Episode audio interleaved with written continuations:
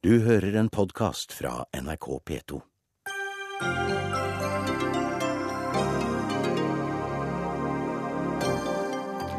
Kreftsyke Jan Rasmussen kjempet for å få sykepenger fra Nav i ti måneder.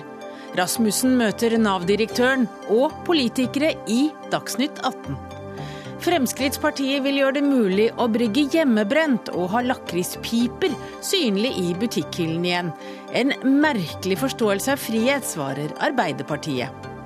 Kommer pelsdyrnæringen til å overleve utredningen regjeringen har satt i gang? Ja, sier landbruksministeren, og det provoserer dyrevernorganisasjonene.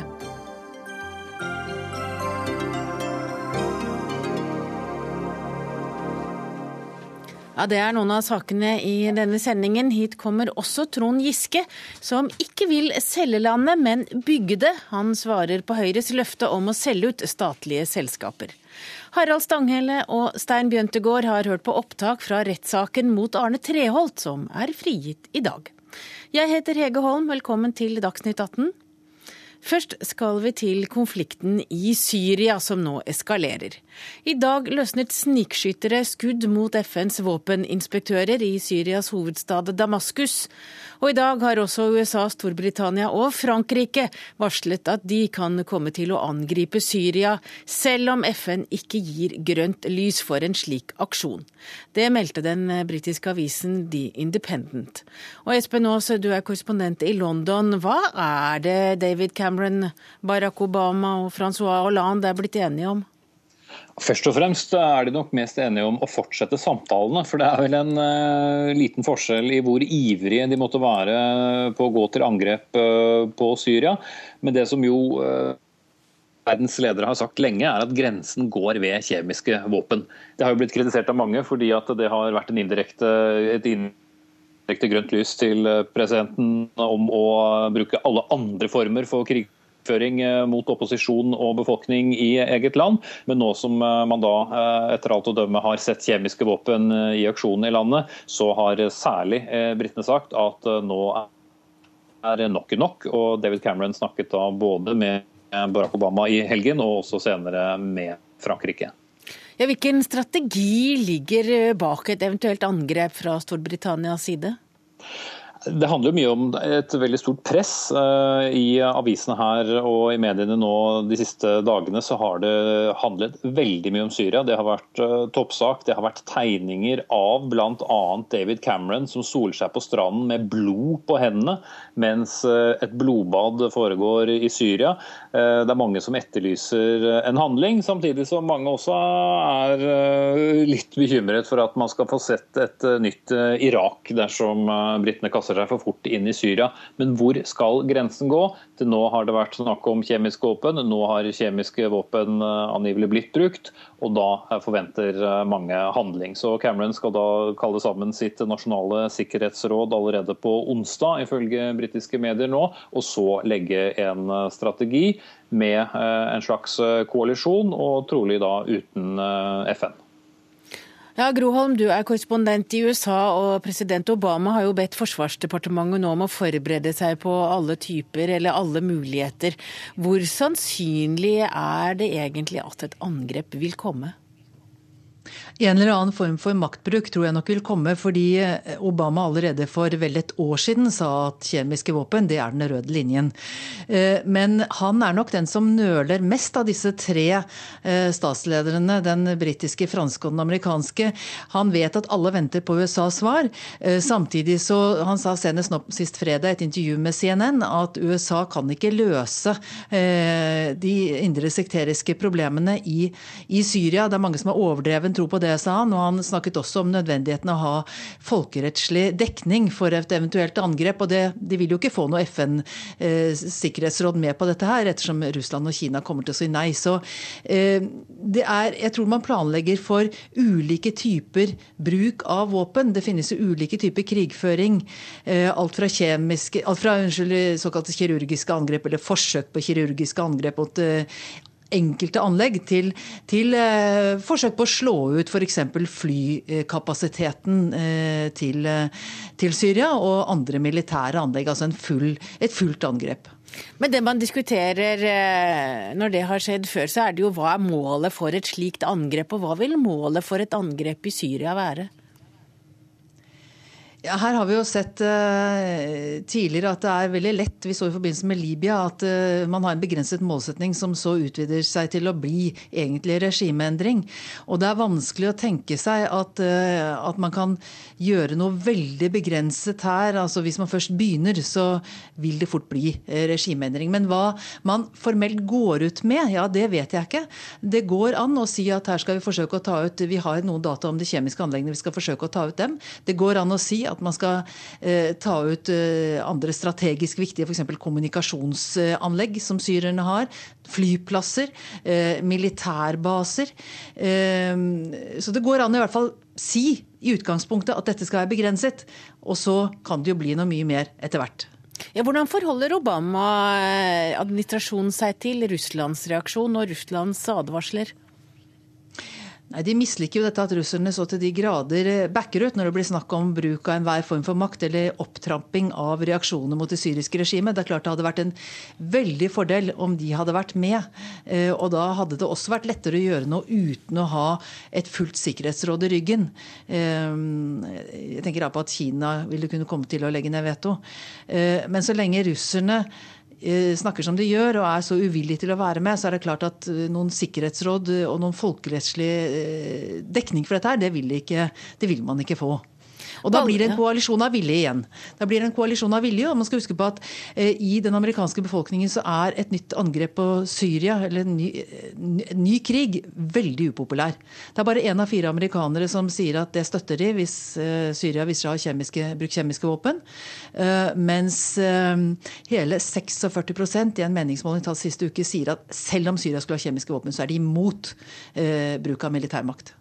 Palle Ystebø, du er oberstløytnant ved Forsvarets stabsskole, og i en kronikk i Aftenposten før helgen skrev du at det eneste militære, det eneste militære våpen kan gjøre, er å nettopp ødelegge og drepe. Hva legger du i det? Altså, det reflekterer krigens uh, natur. Altså, Den er destruktiv for alle praktiske formål. Uh, og som òg sier videre, altså, det du kan gjøre, er å ødelegge et regime. Du kan ødelegge militære midler, og så kan du i, i ruiner dette her igjen med andre midler, altså med resten av politikken, bygge opp noe annet. Og Det er jo det som er paradokset når det ropes om handling, det ropes om intervensjon, det ropes om uh, angrep på Syria, så er det egentlig middelet det ropes om. Det ropes ikke om hva en ønsker å oppnå med det. Men, men, bare det at det nå ropes høyere og høyere at det kan komme til et uh, militært angrep, uh, har det noen virkning? Det kan absolutt ha, litt, litt avhengig av hva en, ønsker, altså, hva, en, hva en, går for her, og hvor stor innsats en vil kjøre. Og Det, det er jo snakk fra de relativt begrensa presisjonsangrep mot spesielle kapasiteter. Det ble nevnt flyplasser. Det kan være snakk om eh, kommandosentraler, det kan være snakk om luftvernkapasiteter og slike ting. Altså rett og slett degradere eh, det syriske regimets eh, eh, kampkraft for å gi eh, opprør med den måten en, en, et overtak. Og Så kan du trekke hele spekteret, altså til du begynner å gå inn og slike ting. Og det som egentlig er store usikkerhetsfaktoren her, det er jo kjemiske våpen. Ikke nødvendigvis det at de brukes i Syria, men det at de kan eh, falle i hendene på, på terrorister. Og da, med, Spesielt med tanke på at Al Qaida, Al Qaida tilknyttede grupperinger er svært så aktive innenfor opprørsbevegelsen i, i, Syria. Men går det an å starte et uh, militært angrep på Syria og ha et mål for hvor det skal ende, og vite at man kan komme dit? For så vidt så kan du gjøre det. Eh, jeg vil anta at eh, det har vært utreda og stabsbearbeida og, og, planlagt i, i, det altså uendelige nå i flere år på opsjoner i Syria. Jeg vil anta at dette er ikke noe som er kommet opp det siste, siste helga. Dette her har en jobba en del med. Eh, en har spesielt antagelig sett på begrensningene. Og med det erfaringene en har hatt det siste tiåret med Afghanistan, Irak, Libya en interessant erfaring, og en bør kanskje også skotta litt over til Kosovo i 1999, eh, så, så ser en at, vil jeg anta at en har sett for seg at du kan komme kun så langt, eh, og så er det hvor stor risiko vil du ta i forhold til den gevinsten du vil, du vil eh, kunne oppnå. Men det som er igjen, altså det jeg tror er, er en kritisk parameter her, det er spesielt for USA, eller for Vesten, å hindre kjemiske stridsmidler i å falle i hendene på terrorister. Men altså med det du nevnte med Afghanistan, Irak og Libya i friskt minne, er det en fare for at et, rett og slett et helvete vil bryte løs i Midtøsten hvis en går inn i Syria? Det er det absolutt uh, fare for. Og, og, krig er jo per definisjon helvete, for å si det rett ut. Uh, og med Syria er jo Det er ikke Libya. altså Syria har et, litt av sentrum i Midtøsten på mange måter. Damaskus er jo det er 8000 år gammel sivilisasjon her. Eh, når det moderne Midtøsten ble til i kjølvannet av første verdenskrig, eh, snart 100 år siden, så var det Damaskus som var egentlig det som eh, de arabiske opprørerne gikk etter. Syria er, er, noe helt annet enn en, en Libya. Og det er litt for mange både regionale eh, aktører, store og tunge. Du har de globale, som allerede er nevnt, som har interesser direkte og ikke minst indirekte i forhold til Syria. Så jeg tror Syria har potensial til å bli svært ille om, om dette her kommer ut av kontroll. Takk til deg, Palle Ystebø, oberstløytnant ved Forsvarets stabsskole. Takk også til Espen Aas og Gro Holm, henholdsvis korrespondent i London og USA. Hør Dagsnytt 18 når du vil, på nettradio eller som podkast. nrk.no – dagsnytt 18.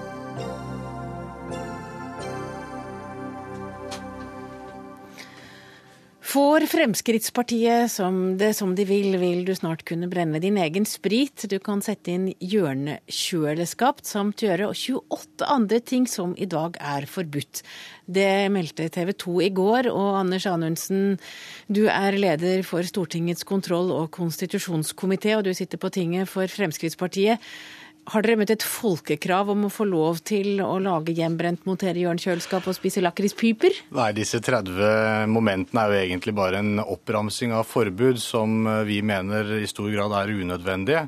Eh, fordi det viser litt om hvordan vi tenker i Norge. Istedenfor å løse utfordringer, så lager vi nye forbud. Så hele poenget for Fremskrittspartiet med å illustrere med noen eh, forslag til forenklinger og eh, på denne måten, er rett og slett å få frem at vi har et litt annet syn på samfunnet enn forbudspartiet Arbeiderpartiet.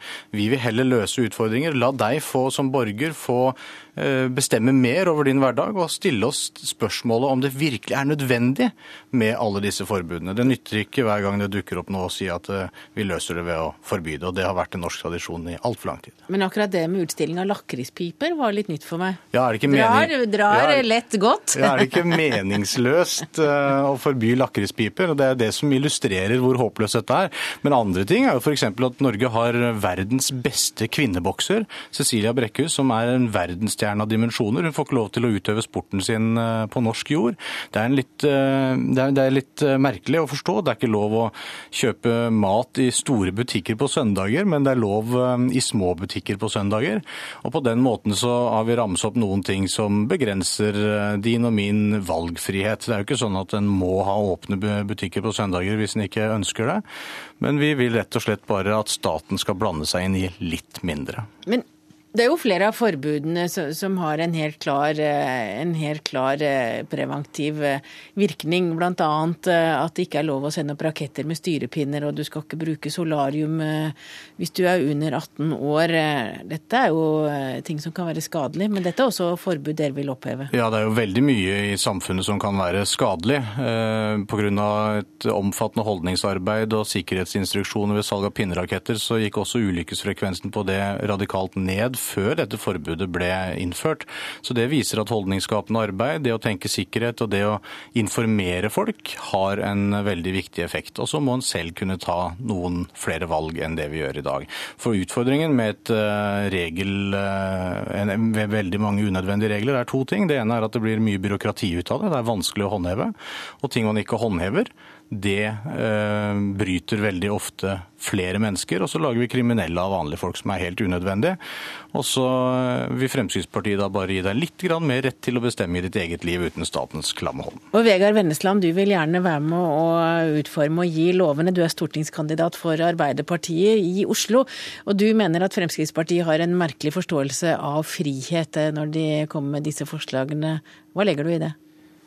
Nei, altså det er jo i, i, liksom valgfrihetens ånd at alle disse forbudene skal oppheves. Og, og, og så er det da, da, da skal vi på en måte få lov til å gjøre absolutt hva vi vil hele tiden. Jeg, altså, så, også I den så kalles vi da liksom, Forbudspartiet. Altså, for meg så handler det vel mer om istedenfor å ha friheten til å brygge eh, sin, altså til å brenne sin egen eh, hjemmebrent, så tenker jeg på alle de som lever i hjem eh, hvor, med, hvor er, alkohol er et stort problem. Og jeg tenker at det er viktigere at de barna som lever i de hjemmene, har friheten eh, fra å leve i eh, sånn sterkt alkoholpåvirkede hjem. Og jeg tenker liksom Når det gjelder det rakettforbudet, så eh, tenker jeg at det er viktigere at jeg har frihet fra å bli skadet av raketter med styrepinner, enn at noen har friheten til å skyte opp disse rakettene med styrepinner. Jeg syns ikke at raketter og, og, fyrverkeriene har blitt noe, hva skal jeg si, noe mindre storslåtte og flotte på nyttårsaften. Men jeg syns det er deilig at jeg har friheten til å føle meg bitte litt tryggere. Men det er jo litt snev av moralisme i, i en del av disse forbudene? Jo, Det er veldig lett å, å fremstille det sånn, men eh, jeg syns jo virkelig ikke det er, det er, det det handler om. Jeg, nå, nå er, stiller jeg for Stortinget for første gang og er sånn ung idealist som prøver å komme meg inn på Stortinget, og så er det liksom disse tingene som kommer opp i en, i en valgkamp. Jeg føler jo liksom at dette valget handler om ting som er mye viktigere viktigere enn en disse forbudene som eh, Fremskrittspartiet her eh, tar opp. Så, så det er jo også litt sånn en, en, en litt sånn merkelig utvikling du, du, du, blir sendt ut i krigen for å bli testa, vet du. Se om ja. du kan svømme. Det er Dette er jeg delvis enig i. Dette hjemmebrentseksempelet var antagelig et veldig dårlig eksempel. For det har jo tatt veldig mye av fokus bort fra det som er budskapet. Nemlig at vi har tillit til folk flest. Istedenfor å ha nye forbud, så vil vi at du skal få lov til å gjøre noe mer selv. Jo, men skal Andre vi være konkrete, da? Dere vil også fjerne påbud om rulle rullestoltilgjengelighet i alle boliger? Ja, i alle boliger. Vi har fremmet forslag om at du skal ha det i rundt 30 av boligene. Rett og slett fordi vi, er, vi, mener at det skal være den typen tilgjengelighet, men det er ikke nødvendig for alle boliger. Sånn at har, Det at en vil endre og fjerne forbud, betyr ikke det samme som at en vil snu, snu hele verden på hodet. Men et forbud mot Segway, forbud mot poker, forbud mot profesjonell boksing, politisk reklame på TV, eh, synlige lakrispiper i butikken, det kan fremstå som bagateller. Men det er også forbud mot livsnødvendige medisiner i Norge, fordi det norske byråkratiet behandler eh, godkjenningssøknader mye mye seinere enn våre naboland. Så vi er nødt til å tenke annerledes, og det er derfor vi eksemplifiserer dette. Dette handler jo om ulike samfunnssyn, mens Arbeiderpartiet er opptatt av å tvinge sin moral nedover folk flest. Så vil vi si at du får velge mer sjøl, men vi, det betyr jo ikke det samme som at vi er for noe frislipp av alkohol eller noe sånt. Vi er like opptatt som Arbeiderpartiet av at eh, skade skadevirkningene av misbruk av alkohol må vi jobbe for å redusere. Det gjør jo ikke Arbeiderpartiet i dag. Men vi er nødt, vi er nødt til å tillate et system som ikke alltid lager regler på mindretalls premisser. Men dette er jo da interessant, fordi da har du valgt ut de 30 punktene vi må på en måte forholde oss til det. Så sier du at kanskje noen av dem eh, var eh, litt sånn eh, flåsete og sånn. Men altså halvparten av de 30, nesten halvparten av de 30 punktene dere tar opp, handler jo da om alkohol eller tobakk. Og Da er det da altså valgfriheten til den enkelte om å, å liksom ha enklere tilgang til dette. Og alt viser jo at jo enklere tilgang til disse tingene er, jo, eh, jo høyere blir eh, forbruket av det. Og vi vet at dette er ekstremt helseskadelige produkter. Samtidig så Det kan jo være det, konkrete eksempler. Jo, men det er da, det, men det er da sant, en forventning også om at, eh, at det offentlige skal dekke helsekostnadene f.eks. når du blir syk. Og så foreslår man ikke sant, 14 eh, eh, punkter tror jeg det er, som har med alkohol og, og tobakk å gjøre, som vil øke forbruket av de, som vil føre til flere helseskader. Og Da tenker jeg at da er det viktigere for meg at, det er, at jeg har en, en, frihet, eh, at noen av disse forbudene, eller hva du skal kalle det, at, at jeg har friheten til å føle meg trygg på nyttårsaften, til å føle meg trygg når jeg er ute på byen, og ikke til å gjøre det enda enklere å bruke og Det illustrerer jo egentlig forskjellen på Arbeiderpartiet og Fremskrittspartiet. Mens Arbeiderpartiet vil bruke staten som virkemiddel middel for at du skal gjøre det Arbeiderpartiet mener er riktig, så vil Fremskrittspartiet ha tillit til at du evner å ta de valgene selv. Og Det er det som egentlig er poenget med hele den saken. Forskjellen på de partiene som har tillit til folk flest, og de som ikke har det. Og øh, Det er heller ingen sammenheng, som Vedrus prøver å indikere, at øh, misbruket f.eks. alkohol øker med tilgjengeligheten. Forbruket kan muligens øke litt, men det, de som rammes mest av disse merkelige forbudene, f.eks. For når du kommer fem minutter for seint øh, til butikken på lørdag og du skal ha deg en pils i sola, så får du ikke kjøpt den pilsen fordi, er, eh, fordi Arbeiderpartiet mener at du ikke skal kjøpe pils etter klokka seks. Det, det, fører jo ikke til at eh, det, det har ikke noen alkoholpolitisk konsekvens, annet enn at jeg blir litt irritert på at ikke jeg klarte å rekke fram i trafikken i tide, og synes at sånne regler er unødvendige. Vegard Vennesland, det er du som er ung, det er du som vil velges inn, og det er du som er framtida. Forstår du ikke at det, det vekker jo Når du ser det samla, så kan det se litt voldsomt ut? Med alle forbundene, tenker du på? Med alle forbundene. F.eks. Lakrispiper. Utstilling av lakrispiper. Det klarte jeg egentlig ja. ikke Nei, ikke sant. Og, og tenke jo, meg men, til årsaken ja, til engang. Nei, ikke sant. Det er jo liksom litt sånn eh, Det er jo noen av forbundene som jeg forstår kan virke litt rart. Nå har jeg brukt, veld, brukt, brukt veldig mye av min sommer eh, i Oslo. Det har vært helt strålende vær. Jeg har vært masse ute i park, grilla med venner, tatt meg noe øl. Men ikke akkurat opplevd at forbudet mot sant, drikking i park var, var, et stort problem. Og der syns jeg det er så flott at liksom selv om noen av disse reglene fins, så har vi altså politi som håndhever de fornuftig, og som bruker disse reglene for å bortvise folk som er utagerende og som oppfører seg som er kvalme på, i parkene. Men du får lov å sitte og drikke. Ja, ikke sant? Sånn at det er så Noen av disse for, forbundene her kunne vi sikkert blitt helt enige om, men du sauser i den listen din sammen en helt del småting sammen med sånne ting som frislipp av friskoler, som dere også foreslår i denne listen, som vil føre til da økt, økt tilfang av kommersielle skoler. Vi kommer ikke lenger ned på lista. Vi får se hvordan det går. Takk til deg, Vegard Vennesland, stortingskandidat for Arbeiderpartiet, og takk til Anders Anundsen fra Fremskrittspartiet.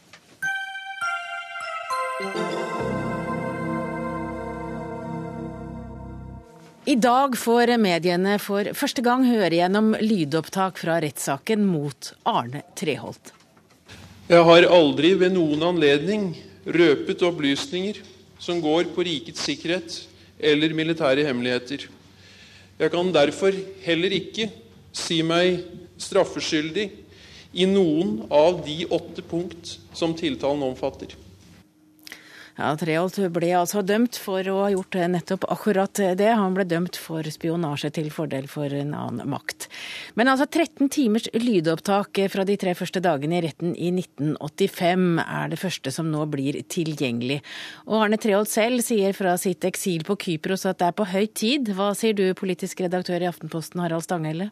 Ja, det er det definitivt. Eh, og det vi har fått eh, åpna i dag, det er jo det som har vært oppe i 28 år. Vi har bare ikke fått hørt det på teip tidligere, men hvert eneste minutt ble jo referert den gangen for 28 eh, år siden.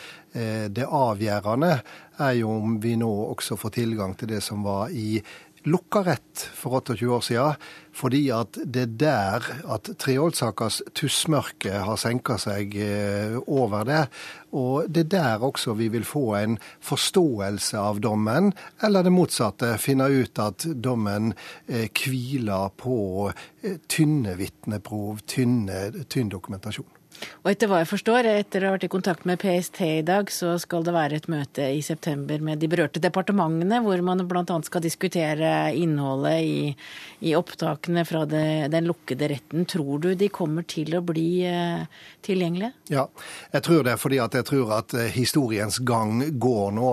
Og det finnes det ikke ett eneste saklig argument for at opplysninger som er 28 år gamle, at de skal være hemmelige av omsyn til riket rikets tryggleik. Vi må også huske på at både den hemmelige delen av dommen og den strengt hemmelige delen av dommen er nå nedgradert. Eh, den kan vi lese, og da er det ingen grunn til at ikke det dommen hviler på, skal ta og, og, og, nedgraderes, slik at vi kan få høre det. Så dette er en logisk prosess. Dette skulle ha vært gjort for lenge siden, men nå får vi det ventelig her dersom det ikke noe, eh, eksisterer noe som ingen av oss vet om, som noen ønsker å skjule. og det håper Hva kan det være? Nei, eh, det vet jeg ikke.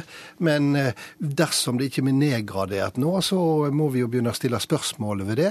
Men jeg er ingen konspiratoriker, sånn at jeg tror ikke det er sånn det er. Jeg bare tror at det er en lukkahetskultur som, som gjør at vi i mediene, forskere, forfattere og andre har møtt hele tida en veldig motstrebende holdning, og det har vi gjort helt siden 1985. Også legger jeg kort til at det har vært nedgradert en rekke ting i Treholt-saka siden det begynte i 1985, og det er ikke én av de som har skada rikets sikkerhet når vi fikk det på bordet. Stein Bjøntegård, du er nyhetsredaktør her i NRK. Du har vært en pådriver for å få frigitt opptakene. Hvorfor er det så viktig? Jeg er helt enig med Stanghelle i at det, det, som er viktig, er først og fremst det som skjedde bak lukkede dører. For det er ikke blitt på en måte offentlig på samme måte som det andre, selv om eh, mye i dommen som skjedde bak lukkede dører, som kom fram bak lukkede dører, er offentliggjort. Så er det på en måte noe med hvordan ting ble sagt og, og hvilken ramme det, det, har skjedd. Jeg syns jo først og fremst det som kom i dag er interessant nostalgisk sett for oss som var til stede den gangen, å høre igjen. Og høre med de ordene det ble sagt. Høre Treholts stemme, høre eh, aktors stemme. Eh, sette rammen for det som skjedde. Når jeg snakker med folk her i redaksjonen i dag, så er det først og fremst for å forklare hvilken tid vi var i i 1985 da dette skjedde, med den kalde krigen. De som, eh, mange av de som jobber her, var jo ikke født den gangen. De skjønner ikke den lukkethetskulturen, de skjønner ikke rammen for den kalde krigen, hvor alt var jo egentlig hemmelig rundt dette her. Eh, slik at Enig med Stanghelle, det er jammen på høy tid at, vi, at dette kommer ut. Og så får vi også diskutert det jeg mener er den mest interessante diskusjonen i denne saken, nemlig hva er egentlig grensen for hva som er rikets sikkerhet i slike saker. Ja, Tror du vi kommer nærmere et svar på det? Ikke av det vi fikk offentliggjort i dag, men når, må jeg nesten si, vi får også det som skjedde bak lukkede dører, så mener jeg at vi kommer et godt stykke på vei til å kunne diskutere det historisk, politisk og journalistisk. Men, men tror du av det vi nå har fått høre, det, er det kommet fram noe vi ikke altså, Nå får du høre det, det som ble sagt. Kommer det noen ny viten ved å sitte og høre gjennom de 13 timene som vi nå har fått?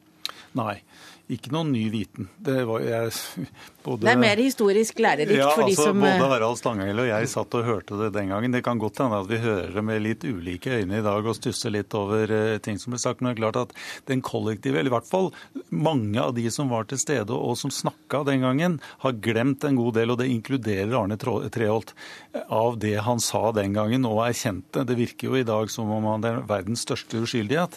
Det erkjente han jo den gangen at han ikke var. Og så er det en del ting som da er interessant i forhold til hvilke lover var det egentlig han brøt. Det mener jeg er det mest interessante. Men Stanghelle, hva er det du har mest lyst til å høre? Ja, altså, du var også i retten den gangen? Ja da, jeg var det. Jeg eh, dekka hele saka. Var til stede samtlige åpne rettsdager, både i lagmannsretten og i bevisopptakene for eh, Høyesterett og i Høyesterett. Eh, og det er klart at det vi har fått høre i dag, er jo som Stein Bjøntegård er inne på, dette har vi hørt tidligere. Slik sett så er ikke dette noe historisk eller journalistisk julekveld for noen av oss. Men det er nok noen ting jeg gleder meg hvis det er riktig uttrykk, til å høre igjen. Altså, jeg må nok si at etter så mange år så skal det bli interessant å høre Jens Evensens vitneprov for uh, Open uh, rett igjen. Og så må jeg nok si at en av de skarpeste og mest intense mannjevninga jeg har hørt i, i en norsk rettssal, nemlig mellom Arne Treholt på den ene sida og aktorene Lasse Kvikstad og Tor Aksel Busch på den andre. Eh, det må jeg nok si jeg ser fram til å høre, rett og slett for å finne ut var den så skarp, så dramatisk, som jeg husker den fra rettssal 23 for 28 år siden. Stein Bjøntegård, eh, er det mulig for folk å høre det som nå er eh, frigitt? Eh, ja, det, vi jobber med å gjøre dette tilgjengelig for alle, og også gjøre det mulig for folk å finne fram til de sekvensene som er mest interessante. Altså rett og slett gi dem en slags guiding gjennom denne rettssaken. For det er utrolig mange timer, og det er nok veldig få som kan sette seg ned og høre på alt. Eh, men da må man gi dem noen råd, og det jobber vi med å få gjort fortest mulig. Vi, får vel håpe at folk har annet å gjøre i 2013 eller sitte og høre hele rettssaker på nytt. Men dette er en av de viktigste straffesakene i moderne norsk historie. Derfor er det så avgjørende at den i sin heilskap er åpen, sånn at eh, de som kan, vil og bør, kan gå inn i det og se hva for sak dette egentlig var.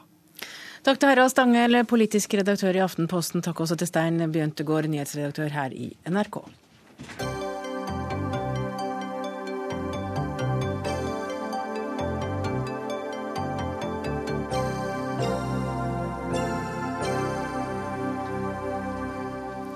Etter valget blir det salg, lover Høyre, og det er aksjer i statlige selskap som skal selges unna. Og på toppen av lista står eiendomsselskapet Entra, oppdrettsselskapet Cermaq, entreprenørselskapet Mesta og flyselskapet SAS. Det skriver Dagens Næringsliv. Er det et salg du blir med på, næringsminister Trond Giske? Vel, noe har vi jo sagt at vi er villige til å selge SAS f.eks., hvor vi eier bare 14 eh, og hvor det er bra for selskapet å finne en annen løsning. Der eh, er vi villige. Men den storstilte privatiseringa som eh, Høyre foreslår, og som Frp går enda lenger i, det er vi sterkt imot. Vi mener at det er viktig med et statlig eierskap. Det sikrer kontroll over naturressurser, det sikrer oss gode inntekter, og det sikrer ikke minst norske selskaper med norske hovedkontor og beslutninger, og investeringer og arbeidsplasser her hjemme. Så dette er en god gammeldags eh, høyrestatsskrekk som kommer til syne. Ja, Er det det, Svein Flåtten, næringspolitisk talsmann for Høyre? Nei, det er jo slett ikke, det hører vi også på Trond Giske, at han er jo stort sett enig i dette her. Han har eh, vært i Stortinget og fått fullmakter til å selge både Cermaq og SAS, så jeg ser ikke noe problem med det. Og for øvrig, så når det gjelder de store statsselskapene, så har ikke vi fremmet noen forslag om å selge oss ned f.eks. under 34% som betyr at man styrer hovedkontor og den typen eh, virksomhet. Men Men er det billigsalg dere går ut med etter valget hvis dere vinner? Nei da, hvis Trond Giske hadde lest uh, det vi har sagt i eierskapsmeldingen, og senere også, så sier vi at det skal selges på mest mulig optimale tidspunkter, selvfølgelig. Så dette er noe som vil skje over tid. Men jeg vil understreke at vi er mer for det private eierskapet enn for det statlige eierskapet. Og det har vist seg gjennom historien, bl.a. gjennom Statoil-privatiseringen, at når man slipper private eiere inn, så får man et bedre innsyn i selskapet. Man får synliggjort selskapets verdier på en bedre måte. Så det har ført med seg eh, mye bra for eierne, både staten, tror jeg, og også for de private eierne som kommer inn. For det er veldig mange som ønsker å komme inn i de store statsselskapene, og de tror jeg bidrar positivt. Men hvis Høyre ikke vil selge så mye at staten mister kontrollen, hva er da problemet, Giske? Ja, nå er jo hatt gleden av å debattere med Flåtten i fire år i, Stortinget og sett både hvordan Høyre og Frp har foreslått uh, ulike privatiseringer og nedsalg. og Felles for dem er jo at de er utrolig dårlig begrunna. For det første så tjener vi gode penger på disse investeringene. Vi har en eh, mye høyere avkastning her enn vi f.eks. har på oljefondet. For det andre så sikrer vi et norsk eierskap, og det er ikke noe tvil om at hvis vi begynner å selge ut titalls av milliarder i eierskap i f.eks. Statoil, så finnes det ikke norske industrielle eiermiljø som har løftekraft til å ta det. Det er samtidig en utflagging av disse eierandelene. Og for det tredje så er det jo helt meningsløst, fordi at staten er jo en stor nettosparer. Vi investerer nå over 4000 milliarder kroner i utenlandske aksjer og obligasjoner. Eh, alt vi selger av aksjer i de selskapene vi eier direkte, Statoil, Statkraft, Telenor, Hydro osv., må vi bare flytte over i finansielle poster i utenlandske selskaper. Og det å selge Statoil-aksjer for å kjøpe BP-aksjer, det syns jeg er helt totalt meningsløst for den norske stat. Jeg hører på statsråden at han rett og slett ikke greier å finne noen særlige eksempler på at vi har tenkt å selge oss ned under kontrollerende eierposisjon i noen statsselskaper, og det har han helt eh, rett i. Han eh, bruker retorikk om at dette er en storstilt privatisering. Det er det ikke, men det er en reduksjon i det statlige eierskapet som er for høyt i norsk næringsliv. Vi vil heller ha mer privat eierskap, Trond Giske, og det er ikke sånn at ikke det finnes privat kapital som kan absorbere en god del av disse reduksjonene. Det så vi med Statoil sist, og det vi også har sagt spesielt om Statoil, er at dette må skje over tid. For vi skjønner jo også at dette er relativt store beløp. Men jeg tror markedet ville ta godt imot det. Og det ville også være en risikoavlastning for staten. For når statsråden sier at dette tjener vi penger på osv., det er alltid en risiko å være i børsnoterte selskaper. De kan gå ned like gjerne som de går opp, og da kan det være bra for staten kanskje å ha solgt seg ut og ha penger til noe annet. Og det er jo ikke bare snakk om å spare de i oljefondet. Hvis Trond Giske hadde brukt avkastningen av oljefondet på den riktige måten, så kunne han jo f.eks. investert noe av avkastningen i skoler, ja, utdannelse, veier osv. diskusjon. Men Giske, en ting er jo at staten ønsker kontroll med naturressurser som olje og gass, men argumentene for at staten skal eie telefonselskapet Telenor eller banker som DNB er vel ikke like gode? Ja, altså Særlig DNB syns jeg er veldig viktig. At vi har et eh, norskeid eh, eh, en stor bank. Det er Norges største bank. Det at vi holder hovedkontoret i Norge, vi eier jo bare eh, så vidt kontrollerende eh, flertall i DNB, er etter mitt syn kjempeviktig. Og eh, jeg har i mine fire år som næringsminister knapt møtt en eneste næringsdrivende som mener at det statlige eierskapet i Statoil, Hydro, Telenor, Statkraft eller andre står i veien for det private. Tvert imot møter jeg mange som mener at det er viktig at disse selskapene er på norske hender, og at de er en viktig aktør også for mange underleverandører som lever av dem. Og bare for, bare for å si det, i min hjemby Trondheim, der solgte eh, Høyre og Frp eh, E-verket. Det har altså vi i, i, denne byen tapt to millioner kroner på hver eneste dag siden den gangen. Eh, flere milliarder kroner. Eh, og det er den type salg som er irreversibel, som Høyre og Frp rett og slett kan komme til å gjennomføre hvis de får makta. Flåtten, da sier vel du bare at butikk er butikk? jeg, jeg, sier ikke det. Jeg sier faktisk det at jeg er enig med Trond Giske når han sier at eh, DNB f.eks skal vi ha en kontrollerende post i. Og det viser, Den diskusjonen viser at det er ikke den storstilte privatiseringen som han begynte denne debatten med. Men, men dere er jo ikke helt enige på høyresida heller, for, for, Frp vil jo selge ut mye mer. Frp vil jo selge ut mye mer. De vil jo selge ut for rundt 89 milliarder, mens dere vil selge ut for 24 milliarder. De har villet selge mer. Det jeg har hørt i sommer, er at eh, de har en pragmatisk tilnærming til dette. Det har jeg hørt Kjetil Solvik-Olsen si, og han har også sagt at han tror ikke det blir noe problem å finne sammen med Høyre i hvordan man løser det. Og da oppfatter jeg at han nærmer seg noe mer til eh, de planene vi har på sikt. Ja, for det å gå inn på eh, den størrelsesorden de ønsker, det er det ikke aktuelt.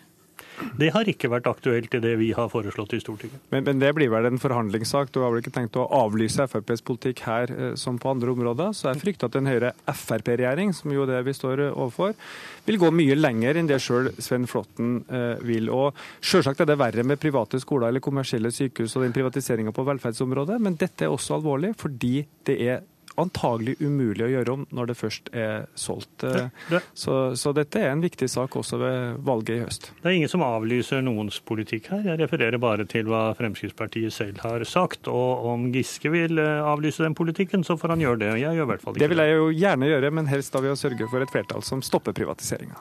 Takk til deg, Trond Giske, næringsminister, og takk til deg, Svein Flåtten, næringspolitisk talsmann for Høyre.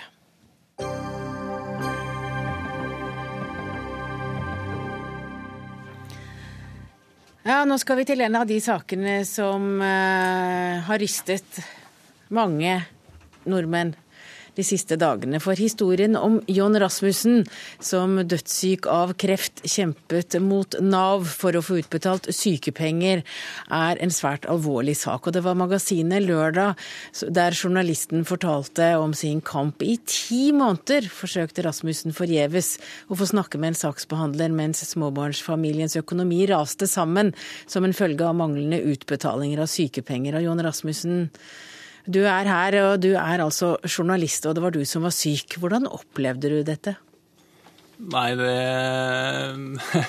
eh, er nesten vanskelig å sette ord på hvordan jeg opplevde det når du spør så direkte. fordi at eh, For det første så er det så sammensatt, hele opplevelsen. Men, eh, men maktesløshet og raseri, det tror jeg dekker sånn noenlunde følelsen underveis. Tror du at du er et enestående eksempel? Nei, det er jeg helt sikker på at jeg ikke er. Og mm, all den responsen jeg har fått de siste dagene, og de hundrevis av mailene som ligger eh, i min innboks nå, forteller akkurat de samme historiene. Men hva var det som gjorde at du ikke fikk kontakt med, med en rådgiver hos Nav? Nei, jeg fikk jo kontakt med, med, rådgivere og saksbehandlere. Jeg fikk bare ikke kontakt med min saksbehandler. Ehm, for, eh, for han ringte meg aldri opp, og jeg kunne ikke kontakte ham på noen annen måte enn på telefon. Eh, og ingen av de andre saksbehandlerne ønsket å røre en sak som ikke var deres heller, sånn at eh, det ble en runddans mellom saksbehandlere som ikke kunne svare, og en saksbehandler som skulle svare, men som dessverre ikke var å få tak i. Det er jo helt utrolig, Joakim Listad. Det er du som er sjef for Nav. Hva synes du om at John Rosmussen ikke fikk snakke med sin saksbehandler eh, før det var gått ti måneder? Nei, Den beskrivelsen som Rasmussen har eh, delt med oss, eh, den gjør inntrykk. Og jeg vet at både medarbeidere i Nav og vi i ledelsen i Nav, vi gremmes når vi hører denne historien. Sånn skal det ikke være, og mer er det egentlig ikke å si om det. Og Når du leser Rasmussens historie, så virker det jo som om det var et veldig stort Nav-kontor der de ikke så hverandre. For det, han ringte og fikk bare snakke med kollegaene, men det er vel ikke slik det er i virkeligheten? Jeg tror det er riktig å si at uh, det var nok uh, mange i 2010 uh, som hadde en del opplevelser av den typen Rasmussen beskriver, selv om den er av det alvorligere slaget.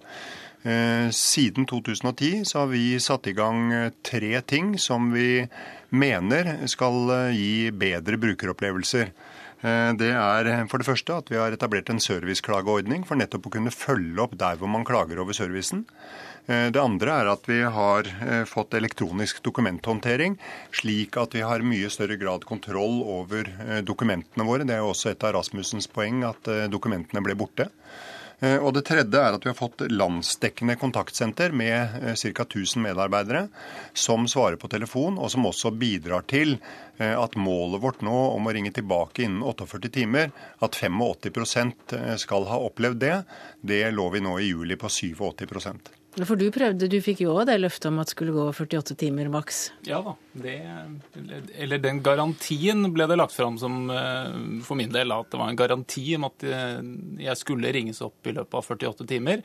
Eh, det skjedde jo selvfølgelig aldri. Og da er en garanti svært lite verdt, all den tid jeg legger at en garanti utløser noe annet hvis den blir brutt. Men det gjør det jo ikke. fordi det eneste du får lov til hvis garantien blir brutt, er å ringe tilbake. Men du sier du har fått mange henvendelser etter at eh, du fortalte historien din i magasinet i Dagbladet. Er det også historier fra rundt 2010 og før det? Det er eh, historier fra i dag. Eh, jeg har, uten at jeg har fått verifisert noen av dem, og jeg har ikke engang fått lest alle, men, men, jeg har fått eh, historier fra folk som ligger på sykehus nå og opplever akkurat det samme som det jeg gjorde i 2010. Ja, Lista? Vi har 400 eh, 000 inngående saker i måneden. Vi har 30 000 telefonsamtaler om dagen. Mitt mål er at vi skal få færre og færre opplevelser av den typen som Rasmussen beskriver. Eh, og de tiltakene som vi har satt i gang siden 2010, tror jeg bidrar til det. Årsaken til at jeg tør å si det, er jo at vi har systematiske brukerundersøkelser. Og vi ser at fra 2011, 2012 og i 2013 så er det en klar bedring i opplevelsen, eh, eller brukeropplevelsen eh, av Nav. Vi så det også på innbyggerundersøkelsen som ble gjennomført i statlig regi nå i vår. Eh, hvor vi ser at eh, opplevelsen av Nav er bedret. Vi ser også at den er bedre blant brukerne enn blant eh, publikum og folk flest. Det er vi veldig glad for, at det ikke er omvendt. Men er det frykten for at folk skal lure til seg penger de ikke har rett på, som gjør at det er så mange kontrollmekanismer at at Nav-medarbeidere rett og slett ikke klarer å, å følge opp de retningslinjene som kommer fra deg? Eh, nei, det er ikke frykten for at enhver person i Norge er trygdemisbruker. Heldigvis så har vi ikke sånne kulturer i Norge. Eh, men vi er eh, inne Hva skal vi si Vi har en, et system hvor de vilkårene som må oppfylles for å få en ytelse, de må dokumenteres. Og vi må undersøke at de er til stede før vi kan betale ut. Det er jo noe av det vi har blitt kritisert av Riksrevisjonen for. At vi har for lite mekanismer til å passe på at vilkårene er oppfylt. Men uansett så er det jo slik at det Rasmussen beskriver, er jo en blanding, opplever jeg, av to ting. Det ene er eh, det forvaltningsrettslige. Har han krav på denne ytelsen? Eh, hvorfor er det noen måneder han ikke har fått eh, ytelser, osv.? Det andre det er jo den opplevelsen han har hatt fra våre ansatte. At vi ikke har klart å gi god nok service, at vi ikke har ringt tilbake, at han ikke ble behandlet med respekt. Det er det mitt ansvar sammen med de ansatte å gjøre noe med, slik at det blir opplevd bedre. Og jeg håper og tror at det er langt færre som har den type opplevelser nå enn det var i 2010. Hvorfor forteller du historien din, Rasmussen?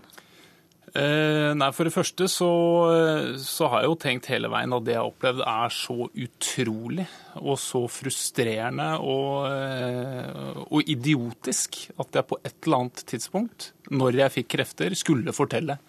Eh, og så begynte jeg så vidt å, å prate om det på jobben min i Dagbladet før sommeren, om at, om at det kanskje var på tide. Og så gjorde jeg det nå, da.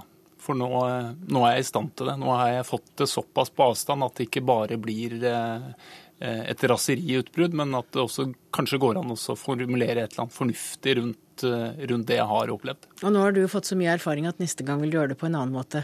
Ja, Neste gang skal jeg i hvert fall lese meg opp på reglene i forkant. Men de fleste de opplever vel det dette en gang i livet? Så det er ikke noe man blir erfaren? Eh, jeg håper, jeg håper det. Høyres sosialpolitiske talsmann Torbjørn Røe Isaksen, du kaller det et sykdomstegn at Nav ikke løser en så åpenbar sak. Hva mener du med det? Nei, men Det mener jeg at Nav møter mennesker i Norge i ja, noen, noen, i helt vanlig fase av livet, men også noen av de menneskene som er i de aller mest sårbare fasene av livet. Enten pga. ulykker, tragedier, sykdom.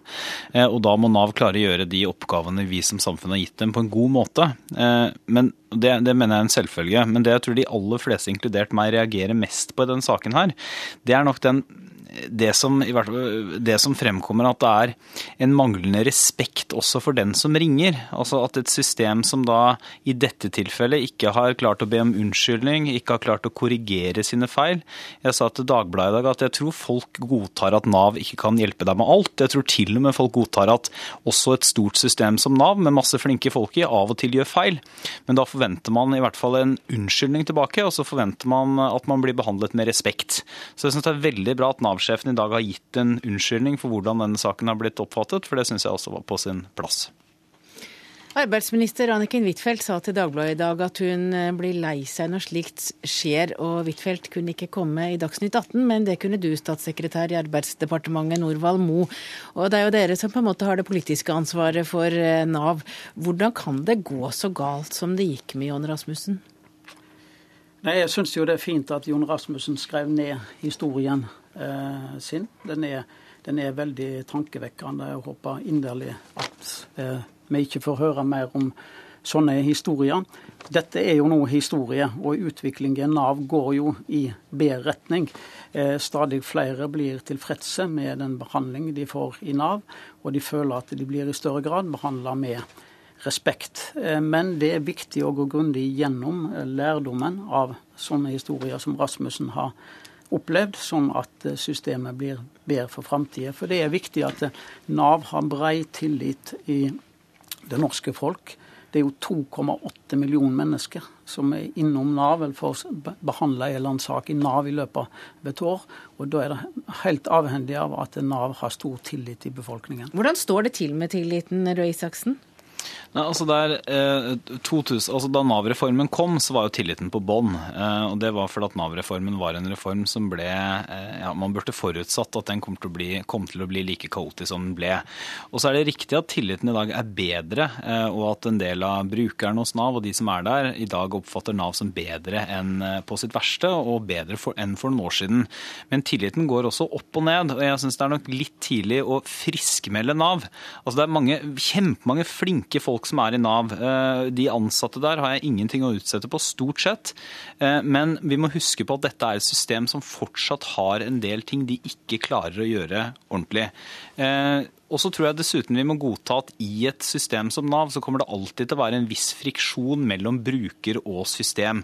Og Derfor har Høyre sammen med de andre opposisjonspartiene foreslått at vi skal ha en type Nav-ombud. Ikke fordi vi skal ha noen som overprøver Nav, men rett og slett for at vi trenger et lite organ for å for å fasilitere dialog, for å si det litt fint, mellom enkeltmennesket og systemet. Veldig mange ting som, som, vi får tilbakemeldinger på som politikere, kunne vært unngått dersom man hadde hatt litt bedre dialog mellom den enkelte og det store systemet. No. Eh, vi har vurdert det med ombud, men kommer fram til at vi tror ikke det er en god løsning. Det betyr å bygge opp igjen en større for forvaltning ute i hvert enkelt fylke.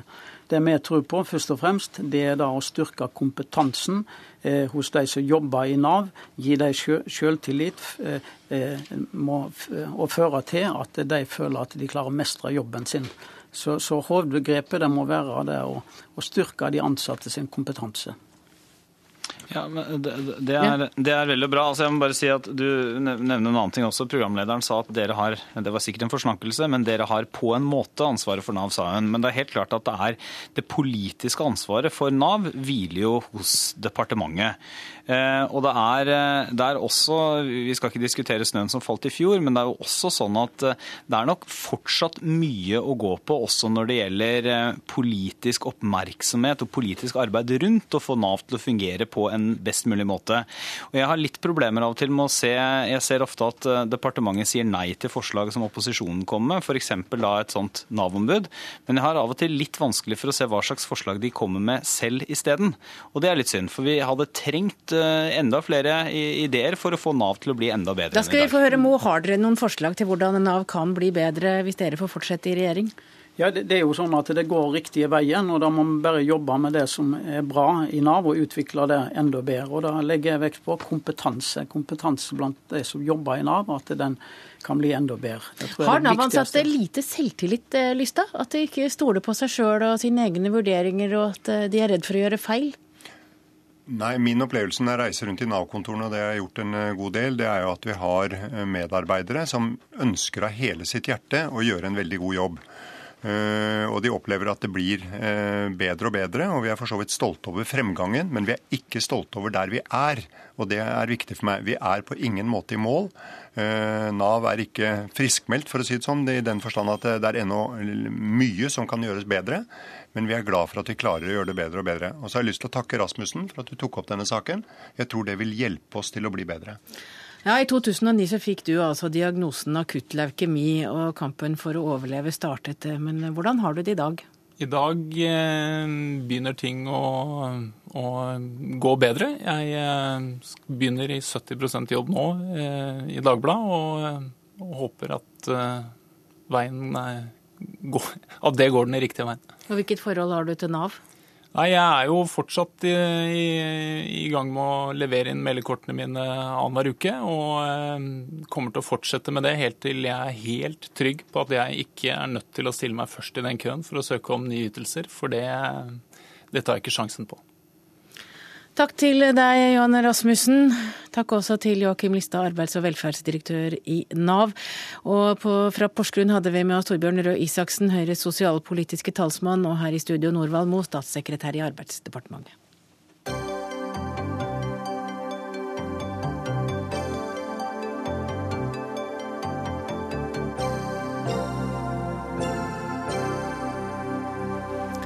Da skal vi snakke om framtida for pelsdyrnæringen. For skal den bestå, eller skal den legges ned?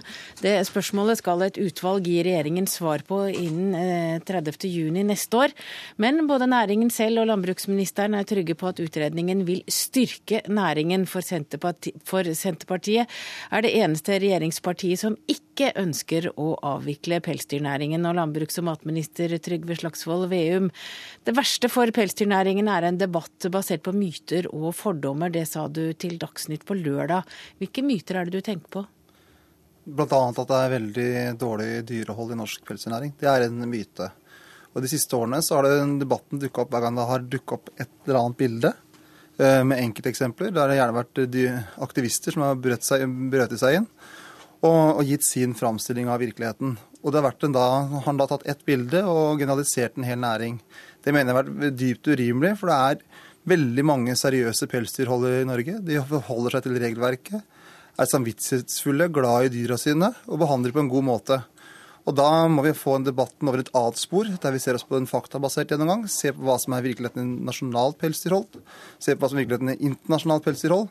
Og da vil norsk pelsdyrhold komme veldig styrka ut av det, for det, her er det god kvalitet på holdet, og vi har godt tilsyn med norsk pelsdyrnæring. Men Hva slags mandat har det utvalget? Det er, et, det er, en mandat med to utganger. Altså, to, de to hovedutgangene er enten en bærekraftig utvikling eller styrt avvikling. Men så samtidig skal de se på pelsdyrnæringa internasjonalt, og sette også norsk pelsdyrnæring inn i en internasjonal sammenheng.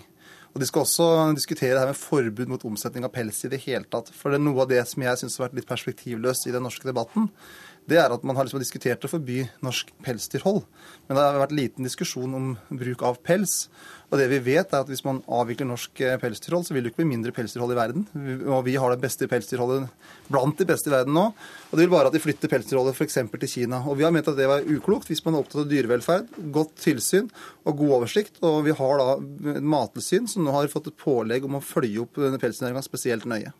Ja, Veterinær og daglig leder i NOAH for dyrs rettigheter, Siri Martinsen. Har du tro til at dette utvalget vil eh, finne ut eh, hvordan det står til med norsk pelsdyrnæring akkurat nå? Eh, da nyheten kom om at eh, det skulle nedsettes et utvalg, så var vår første tanke at eh, dette er vel sent. Men det kunne man tross alt ha akseptert. Men så ser du på mandatet, og dette delte mandatet det er faktisk et, en hån mot både opinionen, som ønsker en avvikling, klart og tydelig, det har blitt klarere og klarere for hvert år, og også en hån mot faglige råd. Veterinærforeningen, Rådet for dyreetikk, en rekke faginstanser både nasjonalt og internasjonalt har slått fast at at dyrenes behov kan ikke tilfredsstilles i trange nettingbur. Og den internasjonale utviklingen, siden vi var inne på den, den går også i den retning at land avvikler pelsdyroppdrett. Og da er det helt absurd å bruke norske skattebetaleres penger på å utrede bl.a. Eh, økt lønnsomhet og økt legitimitet i pelsnæringen. At veterinærer og fagfolk på dyrevelferd, som dette utvalget skal bestå av, skal bruke sin tid og samfunnets ressurser på nærmest utarbeide en PR-strategi for pelsnæringen, det er uakseptabelt. Og en annen ting som er uakseptabelt, det er ministerens utsagn i forbindelse med dette utvalget. For da vi begge var på eh, Dagsnytt, så fikk du spørsmål om eh, vil du ta til etterretning dersom et faglig utvalg sier at eh, denne næringen bør vi nedlegge. Og ditt svar var nei. Så du vil ikke engang da uh, høre på faglige råd og gå for en nedlegging av næringen. For. Det må du svare for. Ja, svare Hvis utvalget for. foreslår nedleggelse av norsk pelsdyrnæring, så vil du si OK, jeg hører hva dere sier? Det som vi har bedt om, og som da Siri Martinsen sier er en hån, det er å få en faktabasert gjennomgang av forholdet i norsk pelsdyrnæring. Og se det opp mot forholdet i internasjonal pelsdyrnæring. Og Det er ganske utrolig at NOAH, som har vært så opptatt av pelsdyr, når vi da ber om å sette i gang et større utredningsarbeid for å få fram en faktabasert debatt, ikke en mytebasert debatt, ja, så, er dere så, kritiske, så, så, er dere så kritiske til det. Hvis utvalget kommer til at man bør legge ned norsk pelsdyrnæring, vil dere da gjøre det? Vil du da si OK? Ja, men altså, jeg, det, er et, det, er et, ledende spørsmål. Jeg, ja, jeg, jeg, jeg, bare spør, for det er jo et av alternativene. Selvfølgelig er det det, og jeg føler meg trygg på at det utvalget kommer til å slå fast at norsk pelsdyrnæring drives på en seriøs, seriøs og god måte. Og kun da vil du ta hensyn til utvalget. Hvis de kommer til en annen konklusjon, la... så vil du ikke ta hensyn til faglig råd. Og det føyer seg inn i den tradisjonen nei, som du faktisk har nei, operert altså, med. Nei, men nå vil jeg tilbake til dette fakta, for du bruker det ordet veldig mye. Det reagerer jeg på.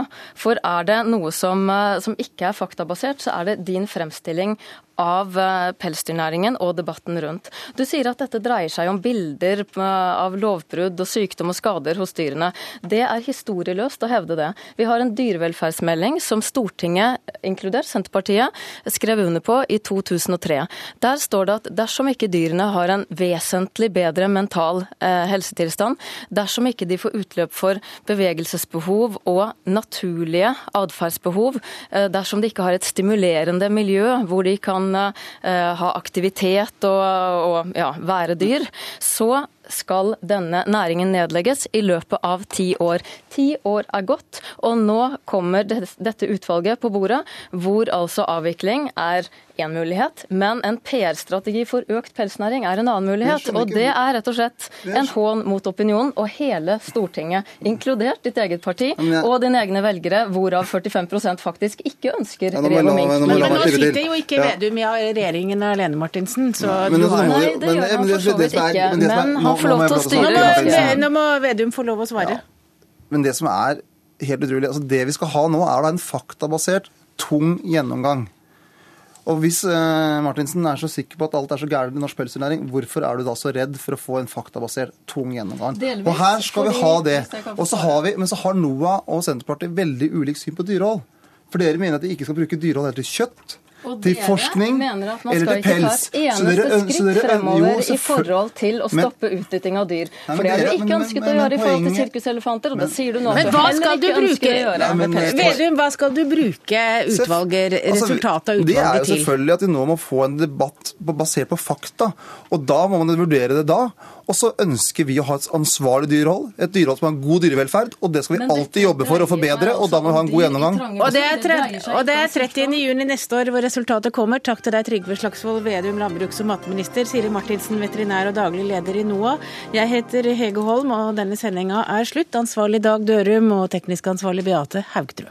Du har hørt en podkast fra NRK P2.